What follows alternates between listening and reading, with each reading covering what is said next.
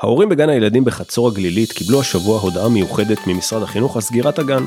הסיבה? מתוך 53 ילדים בגן, 13 מהם אלרגיים בדרגות שונות למזונות שונים. הגן נסגר כיוון שאין מאכל אחד שניתן להכניס לגן וכולם יכולים לאכול ללא סכנה כזו או אחרת. זה לא מדע בדיוני, זה מה שקורה במדינה בה שכיחות האלרגיה למזון היא 2%, באשר למערכת החינוך שלה מתווספים מדי שנה כ-4,000 ילדים עם אלרגיה למזון. מה עושים? איך מטפלים? בדיוק על זה אנחנו רוצים לדבר היום עם פרופסור ארנון אליצור, מנהל המכון לאלרגיה, אימונולוגיה וריאות ילדים במרכז הרפואי שלנו, ויושב ראש האיגוד לאלרגיה ואימונולוגיה. פרופסור אליצור, תודה שהצטרפת אלינו, מה שלומך? מצוין, שלום חנן. עם פרופסור אליצור נדבר היום על סוגיות שונות הנוגעות לאלרגיה למזון.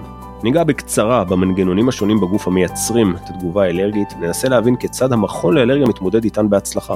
נשוחח על התהליך עצמו, על הגיל המתאים להתחיל אותו ועל הדרך היחסית ארוכה, אך בהחלט משתלמת, עבור הילדים וההורים. נדבר גם על ההתאמות השונות שדורשת המדינה במערכת החינוך כדי להכיל ילדים אלרגיים ועל ההשלכות של מהלכים אלו על האוכלוסייה כולה. אני מזכיר לכם כי הפרקים של התוכנית זמינים עבורכם בכל רגע באפליקציות השונות ספוטיפיי, אפל וגם גוגל, חפשו זמן בריאות או פשוט המרכז הרפואי שמיר. ניתן להיכנס גם לאתר שלנו ולקבל את כל המידע על המכון לאלרגיה. שוב פרופסור אה, אליצור שלום תודה שהצטרפת אלינו אני רוצה עוד לפני שנתחיל לא אומרים שבחו של אדם בפניו בכל זאת שבחה של אה, מחלקה. המכון לאלרגיה ואימונולוגיה בראשותך הוכר לאחרונה כמרכז מצוינות של ארגון האלרגיה העולמי וזאת לאור הפעילות הייחודית המתקיימת בו. בכל נוגע למספרי המטופלים הרי מדובר באחד ממכוני האלרגיה הגדולים בעולם. המשמש גם כמרכז ידע עולמי לנוכח כמות המטופלים הגבוהה שלו. גם אחוזי ההצלחה של הטיפול לא משקרים, למעלה מ-85% מהמטופלים מצליחים לחזור לחיות חיים רגילים ללא אלרגיה או לצידה. אה, אולי זאת נקודה שכדאי להתחיל ממנה, עוד לפני שאנחנו מגיעים בעצם לטיפול, קצת אה, מידע, מהי ההגדרה בכלל של אלרגיה למזון ומהי ההבחנה שהופך אותה לרשמית. איך אני היום כאבא יכול לדעת שהבן שלי באמת אלרגי למשהו, מה, מה התגובה שאני צריך לחפש? אלרגיה היא תגובה לא רצויה של מערכת החיס... החיסון לחלבונים שונים. ויש סוגים שונים של תגובות אלרגיות, אבל מה שאנחנו נדבר היום זה על אלרגיה מיידית או אלרגיה מטווחת IgE, שהיא זו שמקבלת את, את עיקר תשומת הלב של הציבור. אלרגיה מטווחת IgE מתרחשת זמן קצר לאחר החשיפה לאלרגן, בדרך כלל בתוך דקות, שעה. אה, זה יכול להיות מזון, זה יכול להיות תרופה, זה יכול להיות משהו אחר, אבל בדרך כלל זה חלבון, והיא יכולה להתבטא בתופעות שונות אה, על האור, כמו פריחה אה, בעיניים, אם זה אודם עיני, בדרכי הנשימה העליונים, כמו נזלת, התעטשויות, דרכי הנשימה התחתונים, שיעול, קוצר נשימה, מערכת העיכול, כאבי בטן, הקאות, ועד מערכת הלב וכלי הדם, שזה יכול להסתיים בירידה בלחץ דם, בתגובה מאוד קשה. בוא נלך 80% ממה שתיארת זה דברים שאני מכיר על הילדים שלי גם באופן אה, שוטף. איפה עובר הגבול הזה בין משהו שאתה מזהה כאלרגיה לבין משהו שהוא אה, אה, סימפטום רגיל של חורף או של משהו ש... רגיל וסטנדרטי שקורה לילדים בגילים האלה. כדי לאבחן אה, או מה שנותן לנו את הכיוון שמדובר בתגובה אלרגית זה א' שהייתה חשיפה למשהו שהוא בפוטנציאל להיות אלרגני, שהתופעה התחילה בפתאומיות, שוב בתוך דקות בדרך כלל, עד שעה שעתיים, שיש את מגוון התסמינים שתיארתי, ושזה בדרך כלל מסתיים גם בתוך זמן קצר, או כי הילד קיבל טיפול, וגם אם לא, הרבה פעמים היא תחלוף בתוך שעה, שעתיים, זה לא משהו שהוא ממושך. ומה קורה, אולי מילה על מה קורה בתוך הגוף, זאת אומרת אנחנו מדברים פה על סממנים חיצוניים, בעצם מה קורה בגוף כשילד לוקח מזון שהוא אלרגי אליו? אז כשאנחנו מדברים על אלרגיה מטווחת IgE, אה, כשמה כן היא, והיא נגרמת על ידי נוגדנים מסוג IgE, שהם יושבים על תאים שנקראים תאי פיתום, וכשהם מזהים חלבונים אלרגנים למשל במזון, אה, הם נקשרים אליהם ומפעילים תהליך בתוך התא. שבמהלכו משתחררים חומרים שונים, בעיקר היסטמין, והוא גורם למרבית התופעות שאנחנו רואים בתגובה האלרגית. כשאנחנו עושים למשל תבחיני אור או, או בדיקות דם, אז מה שאנחנו בעצם מחפשים זה את אותם נוגדנים מסוג IgE כנגד אלרגנים שונים, זה מה שמסייע לנו לעשות את ההבחנה. אבל זה הזמן אולי להדגיש שהבדיקות האלו יכולות להיות חיוביות גם במצבים שבהם אין אלרגיה. ולכן חשוב לעשות אותם בצורה סלקטיבית ורק כשקיים חשד לאלרגיה למזון מסוים. תגובות מסכנות חיים אנחנו מדברים בערך על שבאלרגיה למזון יש הרבה תגובות מסכנות חיים אבל בוא, בוא נרגיע את כל מי שמאזין לנו זה לא זה משהו שקורה רק מגיל שנתיים שלוש נכון זאת אומרת חשיפה בגיל מוקדם יותר תקן אותי אם אני טועה זה עדיין לא ברמה של מסכן חיים. נכון, תמיד יש מקרים חריגים. אנחנו מדברים בהכללה, אנחנו כרגע לא נכון. לא יכולים לגעת בכל הזה, זה בסדר, אבל באופן כללי, נכון, יש איזה רף, איזה גיל מסוים שבו זה הופך להיות כבר מסכן חיים. נכון, קודם כל חשוב להסביר שרוב התגובות הן לא מסכנות חיים, רוב הילדים יחוו תגובות אלרגיות אז הן לא, לא בהכרח יהיו קשות, אבל יכולות להיות תגובות קשות. אה, בתינוקות באמת התגובות הן בדרך כלל קלות ויספיק טיפול באנטי היסטמינים.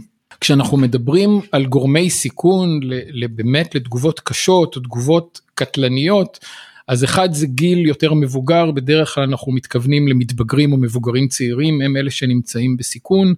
אה, אם יש אסתמה במקביל ואם היא לא מאוזנת אז עוד יותר, זה מהווה גורם סיכון. זה תלוי בסוג המזון, בסוג המזון כמובן, יש כן. מזונות כן. מסוימים שבאמת יותר תוארו כגורמים לתגובות קשות וכאלה שפחות. ואחד הדברים ש, שזה גם תלוי במטופל עצמו זה אם הוא ישתמש או לא ישתמש בזמן באפיפן שזה עניין אה, מאוד משמעותי. יש גם הבדל בין אה, בוא נלך ככה סף התגובה של בן אדם זאת אומרת יכול להיות על אותו מישהו שהאלרגיה שלו קלה ומישהו שהאלרגיה שלו אה, קשה על אותו נכון איפה עובר הגבול פה בין משהו שהוא אלרגיה שהיא קלה לבין משהו שהוא אתה רואה שילד לא יודע לא יכול לנשום או צריך ממש כבר טיפול. סף התגובה וחומרת התגובה הם דברים שונים. חומרת התגובה אתה מתייחס בהתאם למה שאתה רואה מול העיניים אם הילד מגיב רק בפריחה או רק בנזלת אז קרוב לוודאי שיספיק טיפול באנטיסטמינים אם הוא עושה תגובה שמתקדמת מהר או תגובה שמערבת את דרכי הנשימה או, או ירידה ב, במצב הכרה אז ברור שהוא צריך. סף התגובה זה דבר שהוא מאוד יכול להשתנות מילד לילד יש ילדים שיכולים להגיב למזון בסף מאוד נמוך ויש כאלה שיכולים להגיב בסף מאוד גבוה. אבל חשוב אה, להגיד בהקשר הזה שגם ילד שיש לו סף תגובה גבוה זה לא אומר שהוא לא יכול לעשות תגובה קשה אם הוא ייחשף לכמות מספיק גדולה. ואם אנחנו מדברים על התבחינים ההוריים שדיברנו עליהם גודל התבחין ההורי גם לא מנבא לנו כמה קשה יכולה להיות התגובה. זה בעצם מה שאנחנו עושים, זה מה שאתם עושים במכון שלכם, זאת אומרת באיזשהו מקום אתם, אתם עושים את האבחון הזה לרשמי, אתה, שבילד מגיע אליך עם איזשהו חשד, נכון? אתה זה שבעצם עושה לו את ההבחנה, ולפי זה גם קובע אם הוא אלרגי או לא, אם אני מבין אה, נכון.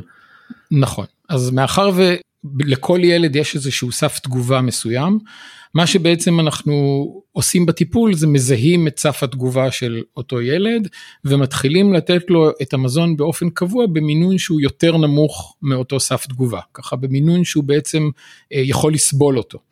וברגע שהוא מתחיל לקחת אותו, לאכול אותו באופן קבוע יומיומי, אז הגוף מתחיל לפתח סבילות.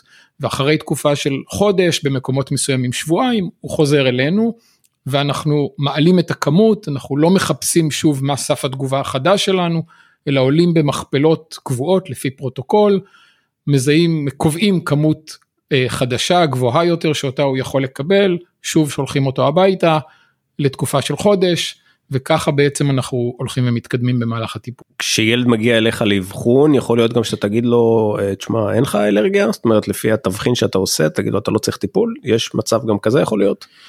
אז אנחנו עשינו עבודה אה, לאחרונה שבה בדקנו באמת כמה ילדים מגיעים אלינו לטיפול וזה זמני המתנה ארוכים לצערי נכון. והם היו במעקבים של אלרגולוגים בקהילה ו, ועדיין הופנו לטיפול וכשהם הגיעו מצאנו שהם לא אלרגיים אה, זה עמד על בערך 8% מהמטופלים. 8% ו... מהמטופלים שמגיעים. 8% מהמטופלים שהגיעו אלינו. כן.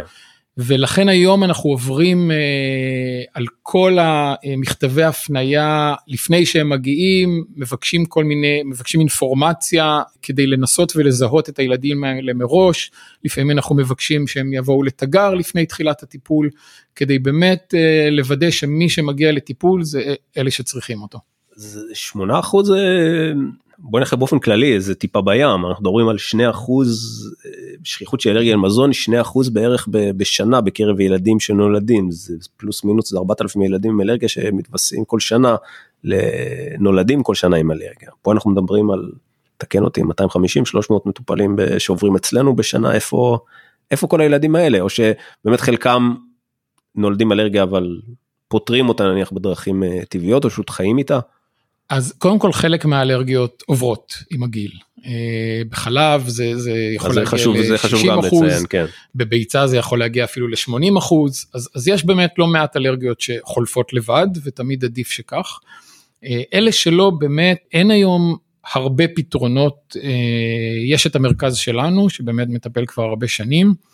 אה, בבני ציון פתחו מרכז דומה אחרי שהם באו אלינו, למדו את התהליך, אה, עברו, קיבלו מאיתנו את הפרוטוקולים והתחילו אה, ליישם את הטיפול שם באופן דומה. במרכזים אחרים מציעים כל מיני וריאציות.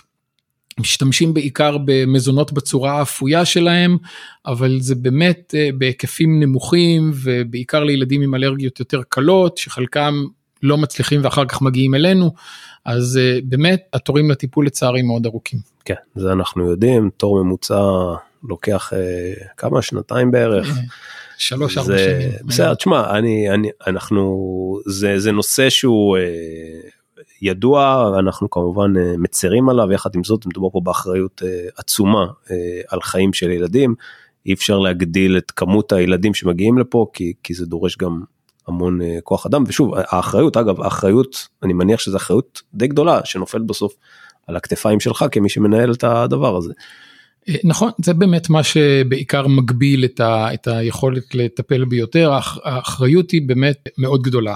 וחשוב פה להגיד שלמרות שאנחנו נותנים אה, לילדים את המזונות במינונים שהם נמוכים מסף התגובה שלהם, או לכאורה מינונים בטוחים, הם יכולים לעשות תגובות בבית והם עושים תגובות בבית, כי סף התגובה הזה משתנה במצבים שונים, אם זה פעילות גופנית, אם זה מחלות ויראליות, אם זה מצבים של עייפות, ואנחנו נותנים לכל המטופלים שלנו הנחיות איך להתנהל בבית כדי לנסות להפחית את הסיכון. אבל אי אפשר למנוע אותם לחלוטין. אה, יש לנו דף אה, אתר אלקטרוני שדרכו המטופלים מדווחים לנו, אנחנו זמינים להם לשאלות גם בשעות אחר הצהריים והערב. אין ספק שזה אה, דורש המון אה, מאמץ מאיתנו. אבל כצוות. המאמץ הזה הוא משתלם, דיברנו בהתחלה, תקן אותי אם אני טועה, 85% בדרך זו או אחרת מצליחים לפתור את סוגיית האלרגיה, או לפחות לחיות בשלום לידה, נכון? בוא, בוא נדבר אולי על זה, זה גם... אה, אה, נכון, אז, אז קודם כל אנחנו באמת מגדירים את המטרה העיקרית של הטיפול, קודם כל לייצר מצב של מוגנות, שבה אה, גם אם יש חשיפה לכמויות קטנות לא תהיה תגובה מסוכנת. בהמשך זה להגיע באמת למצב שאפשר לאכול ואפילו לאכול בצורה בלתי מוגבלת, תלוי בסוג המזון. במרבית המזונות אחוזי הצלחה הם מעל 90 אחוז, וזה אפילו לא תלוי בגיל, אנחנו משיגים את זה גם במתבגרים וגם במבוגרים, וזו באמת הצלחה פנומנלית. שזה, בוא, בוא, בוא, בוא נגדיר הצלחה, ילד יכול לאכול אה, בוטנים או אגוזים בצורה חופשית, נכון? נכון, נכון, יכול לאכול במבה, יכול אה, לאכול גלידה אם הוא אלרגי לחלב, אה, באמת וואו. אחוזי הצלחה מאוד גבוהים. הטיפול שזה בחלב שזה על הוא... תהליך ש, שכמה זמן בערך לוקח? זה יכול לקחת כמה חודשים במקרה המאוד קיצוני לטובה וזה יכול לקחת כמה שנים במקרה הקיצוני. אין הורה שלא יחתום על אה, משך זמן כזה ארוך ככל שיהיה העיקר אה, להיפטר נכון. מהדבר הזה אני חושב שזה. ואחר כך אה, הם צריכים להמשיך ולאכול את המזונות האלה באופן קבוע זה גם חשוב להגיד כדי לשמר את ההישג הזה. כי אנחנו לא יודעים בעצם מי מהילדים עברי וגם אם הוא יפסיק לאכול את המזון בצורה קבועה האלרגיה כבר לא תחזור ומי האלרגיה שלו מדוכאת וזה בעצם מותנה בצריכה הקבועה. וההנחה שלנו שברוב המקרים היא מדוכאת, אבל ככל שהצריכה תימשך יותר זמן, התהליך הטיפולי נהיה יותר מבוסס. אבל זה יכול גם לחזור, אתה ככה בין השורות אומר, זאת אומרת זה משהו שהוא לא סופי, גם מתישהו זה גם יכול לחזור? במידה ו- ומישהו מפסיק לאכול לחלוטין את אותו מזון, 아, אה, אז אוקיי. יכול להיות שהאלרגיה תחזור. כל עוד הוא ימשיך לאכול באופן קבוע, אז uh, קרוב לוודאי שלא. הזכרת מקודם בחצי משפט, אולי משהו שווה גם להתעכב עליו, uh, יש הרבה אלרגיות שעוברות uh, לבד. אלרגיה לחלב, אלרגיה לביצים, ביצים 80% מהאלרגיות עוברות לבד, זאת אומרת זה משהו שאנחנו לא, אם מישהו מגיע עם אלרגיה לביצים, רוב, יש סיכוי גם שהוא, מה זה סיכוי? רוב הסיכוי שהוא בעצם יכול להחלים גם לבד. נכון, אז לכן בעצם אנחנו עושים מעקב פעם בחצי שנה, פעם בשנה, אחרי הילדים עם האלרגיה למזון. אה, חוזרים על התבחינים ההוריים או על בדיקות הדם כדי לראות אם יש איזושהי מגמה של החלמה, שומעים מהם אם היה סיפור של תגובה לאחרונה או לא היה, ואם יש לנו רושם שבאמת יש מגמה של החלמה אז אנחנו נפנה אותם לבדיקת תגר, שבה הם אה, אוכלים את המזון בצורה מדורגת כדי להחל, לקבוע באמת אם האלרגיה חלפה או לא. לכאורה ילד שכאילו יש לו אלרגיה לחלב או אפילו לביצים, מגלה, הוא עוד לא מספיק אפילו להגיע לטיפול, הוא יכול להחלים גם לבד. נכון, ברוב המקרים ילד עם אלרגיה לביצה יחלים לבד ולא יצטרך המקרים. את הטיפול. וואו, זה כן. ממש יפה, זאת אומרת, זו בשורה, בלי שאנחנו, יש לנו חלק בזה, אבל זו בשורה להרבה אנשים שחוששים אה, אה, מהעניין הזה. אה, נכון, ולפעמים אנחנו אפילו נמליץ לילד לדחות את הטיפול, לדחות הטיפול אם אנחנו מתרשמים שהאלרגיה במגמת החלמה, ואם הוא יחכה עוד קצת זה... ועוד מילה אולי באמת על סוגי האלרגיות שאנחנו מטפלים, סוגי המזונות שאנחנו מטפלים אצלנו, דיברנו אולי באמת על בוטנים, אגוזים, מה עוד? חלב, ביצה, סומסום, בוטנים ואגוזים. שמה הכי שכיח? אה, היום במדינת ישראל הכי שכיח, תלוי בגיל. אה, בגיל הילדות זה החלב, הכי שכיח, אבל שוב חלק גדול מהם מחלימים, וכשאתה מגיע לגיל של המתבגרים, אה, עשינו עבודה על שכיחות במתגייסים לצבא, אגוזים הכי שכיח. אגוזים הכי שכיח. כן. טוב, את הבעיה של הבוטנים אנחנו, אנחנו יודעים שזה משהו שדווקא מגיל צעיר מאוד, היה מחקר, לפי דעתי, תקן אותי אם אני טועה, בבריטניה, על איך זה שאצלהם יותר שכיח האלרגיות לבוטנים מאשר אצלנו, נכון? וזה גילה בגלל שפה אוכלים במבה? אה, כן, אז זה התחיל מזה שרופא בריטי, אלרגולוג, בא לארץ ושאל בכנס של רופאי ילדים כמה מהם ראו ילד עם אלרגיה לבוטנים, ומעט מאוד הרימו את היד, והוא היה המום, כי הוא אמר בבריטניה כולם היו מרימים את היד. ואז עשו השוואה, מחקר השוואתי בין ילדים יהודים בבריטניה לבין ילדים יהודים בישראל וראו שההבדל בשכיחות של אלרגיה לבוטנים הוא פי 10 בערך, 10, וואו. יותר בבריטניה ובין כל ההבדלים ש... שישבו בין שתי הקבוצות אז ההבדל המשמעותי היה שפה התחילו לאכול אה, בוטנים בצורה של במבה בגיל הרבה יותר צעיר ואז הוביל למחקר אה, שבו בדקו ילדים בבריטניה אה, חילקו אותם לקבוצות של אלה שיאכלו אלה שלא יאכלו עקבו אחריהם, אה, זה התחיל מהשנה הראשונה לחיים, מגיל ארבעה חודשים, עקבו אחריהם לאורך חמש שנים, ובאמת ראו שהשכיחות של אלרגיה לבוטנים באלה שנמנעו הייתה משמעותית יותר גבוהה. ולכן בעצם מאז יצאו המלצות, מה שאנחנו מנסים היום מאוד לדחוף, זה לכיוון של מה שאנחנו קוראים חשיפה מוקדמת. שזה אומר שכבר בין גיל ארבעה לשישה חודשים להתחיל לתת מזונות אלרגנים בצורה קבועה, לא רק כלטעום פעם או פעמיים. והיום אנחנו יודעים את זה בוודאות גם על בוטנים וגם על ביצה. זאת אומרת, אבל במבה, ביצים, חלב כבר בגיל... סום סומן אנחנו ממליצים על אותו דבר. כבר בגיל חצי שנה? חל... כבר מגיל ארבעה חודשים, ארבעה חודשים אפילו. אפילו וואו.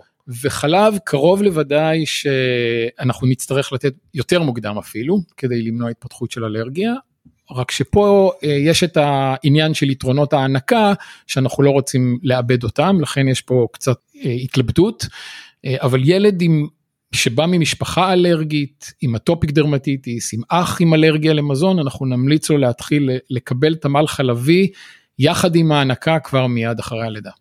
זה הדברים שאתה אומר מזכירים לי פרק אחר שהיה פה אקרובויום שגם כן הוא אמר דברים דומים. חשיפה מוקדמת גם לחיידקים באופן כללי, לא לפחד ללכלך, אה, לא לשמור על היגיינה אה, כל כך גדולה, לתת לילד לחוות ולנסות. אני רואה שזה נכון במזון, הוא דיבר על חיידקים אחרים, אבל זה, זה פחות או יותר על אותו, אותו השדה.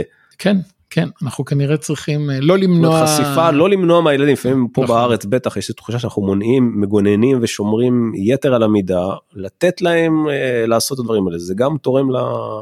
לאלרגיה וגם תורם למקומות אחרים, נכון? נכון. אוקיי, בוא נדבר קצת על איך הדברים האלה באים לידי ביטוי מחוץ למכון, בחיי היום יום שלנו. דיברנו על הגן בחצור הגלילית שאיתו פתחנו, דיברנו על זה שאנחנו הורים מגוננים מדי. אנחנו רואים את זה גם בהתנהגות של הורים או אפילו התנהגות של מערכת כולה בשנים האחרונות בכל נוגע לילדים אלרגיים נכון אני יש לי ילדים כבר לא בגן אבל גם כשהם בגן תמיד זה רשימות, מה להביא, מה לא להביא, מה מותר, מה אסור, מצד אחד יש מודעות מאוד גבוהה, מצד שני זה מרגיש אולי שהיא קצת יותר מדי גבוהה, יכול להיות? אני לא יודע אם הייתי אומר יותר מדי או פחות מדי גבוהה, אני חושב שהמודעות לא מתועלת למקומות הנכונים. קודם כל יש עלייה בשכיחות של אלרגיה למזון, והיום באמת ייתכן מצב שבו במסגרת אחת יהיו ילדים עם אלרגיות לכמה מזונות. זה יכול מאוד להגביל את האפשרות היום להכניס מזונות לתוך אה, אותה כיתה. ההנחיות הנוכחיות של חוזר מנכ"ל משרד החינוך בעצם אוסרות על הכנסת מזונות אלרגנים לכיתה של הילד האלרגי ובמקרים מסוימים, במזונות מסוימים אפילו לכל בית הספר. אני חושב שהיום עם השכיחות שעולה אז זה גם מגביר את החרדות של הילד האלרגי וזה גם פוגע בתזונה של שאר הילדים ולמעשה אין לזה אח ורע בשום מקום אחר בעולם. וחשוב להבין קודם כל שהסכנה לילד האלרגי היא מאכילה של המזון האלרגני. אין תגובות מסוכנות, לא במגע, לא בהערכה, באמת זה מקרים אה, מאוד קיצוניים. וחשוב גם שלדעת שהחיים הם לא סטרילים, ו, וגם אם הילד חושב שהמזונות האלה לא מוכנסים לבית ספר, קרוב לוודאי שהם כן מוכנסים בדרכים כאלה או אחרות. ואם זה לא בבית ספר, אז הוא יפגוש אותם בקולנוע, ואם לא שם, אז הוא יפגוש אותם אצל חבר. אה, אני חושב שחשוב שגם הוא וגם הסובבים אותו ידעו איך להתנהל. ולכן אנחנו באיגוד עובדים עכשיו מול גם משרד החינוך וגם משרד הבריאות, כדי לקבוע מדיניות שתייצר לילדים האלרגיים סביבה מוגנת בתוך המערכת, אבל במקביל תאפשר הכנסה יותר ליברלית של מזונות אלרגנים, כדי לא לפגוע גם בילדים האחרים. ומעבר להכנסה יש גם סייעת שלפעמים מצמידים לכל ילד, יש קצבה שנותנים לילדים אלרגיים, נכון? זאת אומרת, זה, זה משהו שהוא הרבה מעבר להכנסה של אוכל לבית ספר, לגן. אז כן, אז אל, אלה שני דברים שונים. אה, הסייעת היא בעצם חלק מהפתרון שמשרד החינוך כרגע נותן לילדים אלרגיים. שוב, זו, זו המצאה ישראלית שלא קיימת בשום מקום אחר.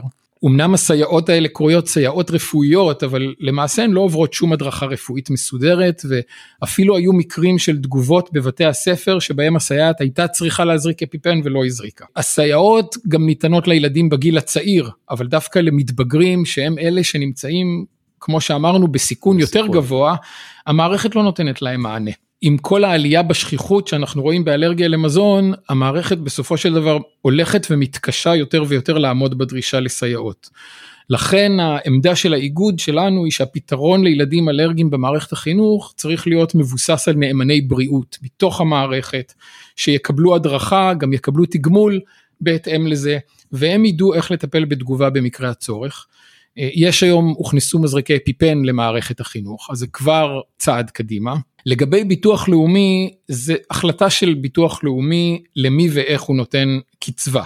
מה שאנחנו כאיגוד התנגדנו זה שבעצם אה, ביטוח לאומי קטלג את הילדים האלרגיים כילדים נכים. ובינינו אה, אלרגיה למזון היא לא נכות וההגדרה הזאת רק יכולה להגביר את תחושת המוגבלות שלהם ואת החרדות. למעשה הילד האלרגי למעט המזונות שאסור לו לאכול הוא ילד בריא לכל דבר.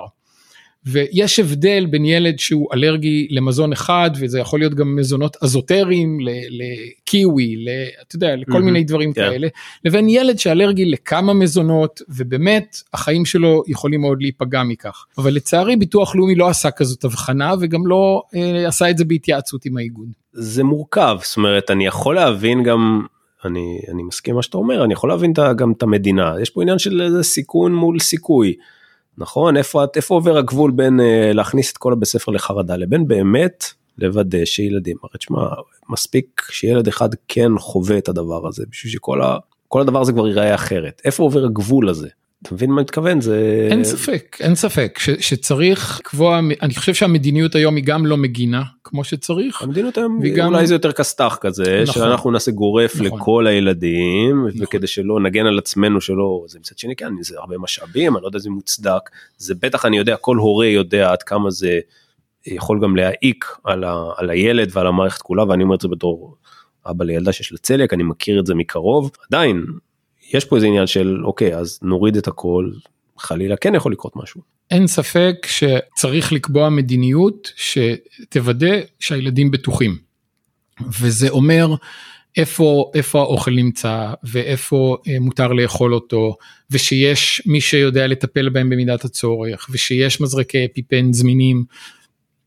היום אני חושב ההתנהלות היא כזו שהיא לא, לא מקדמת את ההגנה בצורה אופטימלית וגם יוצרת חרדה מוגזמת גם אצל הילדים האלרגיים וגם אה, מייצרת אה, לפעמים אנטגוניזם. אצל ילדים אחרים. אנחנו מדברים על אה, לייצר חרדות ושוב אני אומר את זה בתור אה, הבת, הבת שלי יש לצליאק אני מכיר את זה שנים כל הסימון של המוצרי מזון הפך להיות משהו מאוד מאוד אה, מגביל ומאוד מאוד מעיק. נניח שזאת חובה כמובן לסמן את המזון אבל פירוט היתר הזה או אולי הצורך באמת לפרט אותו עד כמה שאפשר יכול גם להעיק יכול גם להכניס לחרדות יכול גם מאוד להגביל נכון? האמת שזה די מדהים שבישראל אה, שנת 2023 אין חובת סימון מוצרים אלרגניים. אה, במשרד הבריאות עובדים בימים האלה לקדם חוק בנושא של סימון מוצרים ארוזים שהם עובדים מולנו על זה אבל זה ייקח עוד כמה שנים וכל הנושא של סימון מזונות אלרגנים במסעדות בכלל לא טופל עד עכשיו. אתה יודע הייתי בכנס בפראג לקחתי לשם את הבת שלי שהיא גם אלרגית למזון. כל מסעדה שנכנסנו אתה מקבל תפריט המודעות שיש לך נכון, שם פירוט בדיוק איזה אלרגנים נמצאים בכל uh, מזון שמוגש. בארץ אין אפילו אדרנלין במסעדות למרות שכבר מזמן המלצנו שזה יהיה. אחד הדברים הנוספים שאנחנו מנסים לקדם זה ביטול של הסימון של עלול להכיל. אה, שהיום החברות משתמשות בו בצורה מאוד ליברלית והוא מאוד מגביל את היכולת של ילדים אלרגיים לאכול. אנחנו מכירים נכון. את זה, זה אם אני כותב עלול נכון. להכיל אני מכסתח את עצמי, מעביר את האחריות לצרכן, למי שאמור לקנות ולאכול את הדבר הזה. בדיוק, והיום אה, בעצם אנחנו גם במכון שלנו לוקחים חלק מאוד משמעותי במאמץ מחקרי עולמי שקיים היום לקבוע ספי תגובה אה, למזונות שונים באוכלוסייה. ולדעת לאיזה כמות 1% מהאלרגי, מהאלרגים יגיב, לאיזה כמות 5% יגיבו, ואז להשתמש בספים האלה כבסיס לסימון תכולה של אה, מזונות אלרגנים. אני חושב שזה יוכל לשפר משמעותית את איכות החיים של אה, מטופלים עם אלרגיה למזון. דיברת על אה, חו"ל, בוא נחזור שנייה לנושא הטיפול באלרגיה בחו"ל, כי אומנם הם מתקדמים יותר מאיתנו יכול להגיע לסימון מוצרים, אבל הטיפול עצמו הוא די אה, ייחודי אצלנו בעולם, נכון? זאת אומרת, גם יש הרבה מדינות שיש שם תוכניות לטיפול באלרגיה מזון, אבל הזמינות של התוכניות היא די מצומצמת. למרות שאצלנו, אני חושב, ושוב, תקן אותי אם אני טועה, אנחנו די... אור לגויים בהקשר הזה, הרבה פונים אליך כדי לבקש מידע על איך עושים ומה עושים. אין ספק שאנחנו אחד המרכז, המרכזים הגדולים והמתקדמים בעולם. קיימות מדינות שיש בהן את הטיפול, הוא קיים בסך הכל בהרבה מדינות, אבל קיימות מדינות שבהן הוא ניתן בעיקר במסגרת מרפאות פרטיות, יש מקומות שנותנים אותו במסגרת שירותי הבריאות של המדינה, אבל למזונות מאוד מצומצמים, ויש מדינות שהוא כמעט ולא קיים בהן בכלל, או ממש למזון אחד או שניים. אנחנו בעצם אה, לאורך השנים למדנו הרבה מאוד מהטיפול ולכן גם פרסמנו מחקרים רבים כדי לשתף את הידע שצברנו עם, עם עוד מרכזים בעולם. ואני חושב ש, שבזכות זה יש אה, הערכה מאוד גבוהה למכון שלנו אה, בעולם האלרגיה למזון זה מתבטא בזה שמבקשים מאיתנו לבוא ולהרצות במפגשים בינלאומיים בנושא, מגיעים לפה מתמחים ממדינות אחרות כדי ללמוד מאיתנו ו- ולקחת את הידע הזה לשם, ככה שבאמת זה נותן uh, תחושת סיפוק מאוד גדולה. דיברנו על 2% בשנה, 2% בשנה בישראל זה אמרנו כמה? 4,000 בערך ילדים שנולדים אלרגיה, 2% בשנה במדינות פי 20 יותר גדולות מאיתנו מדובר בו בכמות מטורפת של אה, ילדים שנולדים עם אלרגיה נכון איפה לאן הם הולכים מה הם עושים כל הילדים האלה. אה, רובם אה, ממשיכים את ההתנהלות הישנה של פשוט חיים עם האלרגיה ולחיות עם האלרגיה ועם מזרקי פטן. עד כדי כך. כן. אוקיי זה גורם לי להעריך את מה שקורה פה בארץ אתה יודע בכל זאת אמנם יש רמת מודעות אולי גבוהה יותר מדי אבל בכל זאת כנראה שאנחנו פה כן מצליחים לעשות איזה משהו ייחודי אז כמה אתה מרגיש שזה באמת משהו ייחודי עד כמה אתה מרגיש שאתה עושה פה אולי ברמה האישית אני אשאל אותך אתה מרגיש פה שאתה עושה משהו שהוא באמת פורץ דרך. פרגן לעצמך קצת אני חושב שזה משהו מאוד מאוד חשוב מאוד יפה מה שאתה עושה פה. אני מרגיש מאוד פורץ דרך אתה יודע אני בן אדם פשוט אה, לא לא מרגיש אה, שאני ככה אתה יודע מגדולי עולם אבל הייתי בכנס הזמינו אותי להרצות בכנס קנדה. לפני. כמה חודשים שזה היה כנס משולב של ארצות הברית וקנדה בנושא אלרגיה למזון. ואני הרגשתי ככה מאוד מוחמש שאני בא לשם ונותן הרצאה ובא אליי הרופא הבחור שהזמין אותי ואומר לי אני אגיד לך את האמת אנחנו זה הכנס הראשון שאנחנו עושים משותף אמריקאי קנדי באלרגיה למזון. אמרנו שנביא את האנשים הכי טובים בתחום ואז עלה השם שלך ואמרנו טוב בטח הוא לא יסכים יש לו דברים יותר חשובים לעשות ווואו מה זה התלהבנו שהסכמת לבוא ופתאום זה עושה לך כזאת תחושה של נכון תשמע אני אני שמע אתה מדבר פה על 85 90 אחוזי הצלחה אתה מדבר על משהו שקורה פה אצלנו ולא קורה בהרבה מדינות אחרות או לפחות לא באותה היקף או באותה כמות אתה רואה את המודעות אתה רואה את כמות הילדים שעוברים פה בשנה שאנחנו מצליחים בעצם להחזיר אותם למסלול ולחיים שלהם. אני חושב שזה יפה מאוד. באמת אני אני מסתכל מהצד אני מכיר את הפעילות פה כבר שנים אגב אתה בכלל בהכשרה שלך. רופא ריאות. אני בהכשרה שלי רופא ריאות נכון, ילדים. לא נכון. הגעת לזה במקרה. הלכתי לרפואת ריאות ילדים בהתחלה בארצות הברית עשיתי שם אה, הייתי שם ארבע שנים בהתמחות בוושינגטון יוניברסיטי בסנט לואיס וחזרתי לאסף הרופא כרופא ריאות ילדים וכשהתחיל אצלנו הטיפול הריאות ילדים בעצם אה, משולב עם המכון אלרגיה פה ולכן כשהתחיל הטיפול אז uh, נכנסתי גם לעניין של האלרגיה למזון ואז עשיתי עוד התמחות באלרגיה והיום באמת עיקר העיסוק שלי הוא באלרגיה ולא בריאות. אתה יודע מה הסיפוק הכי גדול? זה הילד שמסיים טיפול פתאום הוא יכול לאכול פיצה, פתאום הוא יכול לאכול במבה, והוא כאילו נכנס אליך לחדר קורן מאושר שוואו, הוא, החיים שלו השתנו. רק זה שווה את הכל. ואוקיי, לסיום אולי נסכם, אה, מה קורה בעתיד? איך, איך, איך העתיד הולך, אה, אם בכלל יש איזה פתרון שהוא מעבר לדברים האלו, שאנחנו הולכים להישאר עם הבדיקות אתגרים האלה? או שאולי אה, לאור העלייה בכמות החרדה וההיסטריה והמוגנות אנחנו רק נראה יותר מקרים כאלה בעתיד. תראה, השכיחות של מחלות אלרגיות בכלל ושל אלרגיה למזון בפרט באמת מאוד עלתה בעשורים האחרונים. אני מקווה שהשילוב של המניעה הראשונית שזה עם החשיפה המוקדמת והמניעה השניונית שזה הטיפולים שאנחנו עושים ויהפכו ליותר זמינים אז uh, יעזרו לנו להוריד את השכיחות. אבל במקביל אין ספק שאלרגיה למזון תמשיך ללוות אותנו ולכן מאוד חשוב בעיניי שהמדיניות הציבורית במדינת ישראל, בבתי הספר, במסעדות, תהיה כזו שבאמת תקל על החיים של הילדים האלרגיים תעשה אותם יותר בטוחים. ותקל גם על הסביבה. ותקל גם על הסביבה. פרופסור אליצור תודה רבה אה, שהגעת אלינו לכבוד הוא לי אני חושב שאתה עושה עבודת קודש אני מכיר אותך כבר שנים ואת הפעילות של המכון באמת ראוי להערכה ואנחנו באמת נחשבים לא לא בכדי אחד המרכזים המובילים בעולם. אז שוב תודה רבה שבאת אלינו. אני מזכיר רק שהפרקים שלנו זמינים שוב פעם בכל האפליקציות השונות בספוטיפיי באפל וגם בגוגל. חפשו זמן בריאות או פשוט המרכז הרפואי שמיר ניתן לבקר באתר שלנו לחפש המכון לאלרגיה ולקבל את כל המידע. אה, זמני המתנה אמנם ארוכים ואנחנו דיברנו על זה אבל עדיין אפשר אה, לגשת ולהתעניין ומי שיש לו אלרגיה בסוף יכול גם להגיע ולקבל טיפול וגם רובם יצאו מפה גם uh, בהצלחה אחרי שקיבלו את הטיפול המתאים והאלרגיה עברה אז שוב תודה רבה ואנחנו תודה נתראה לך. בפרקים הבאים להתראות.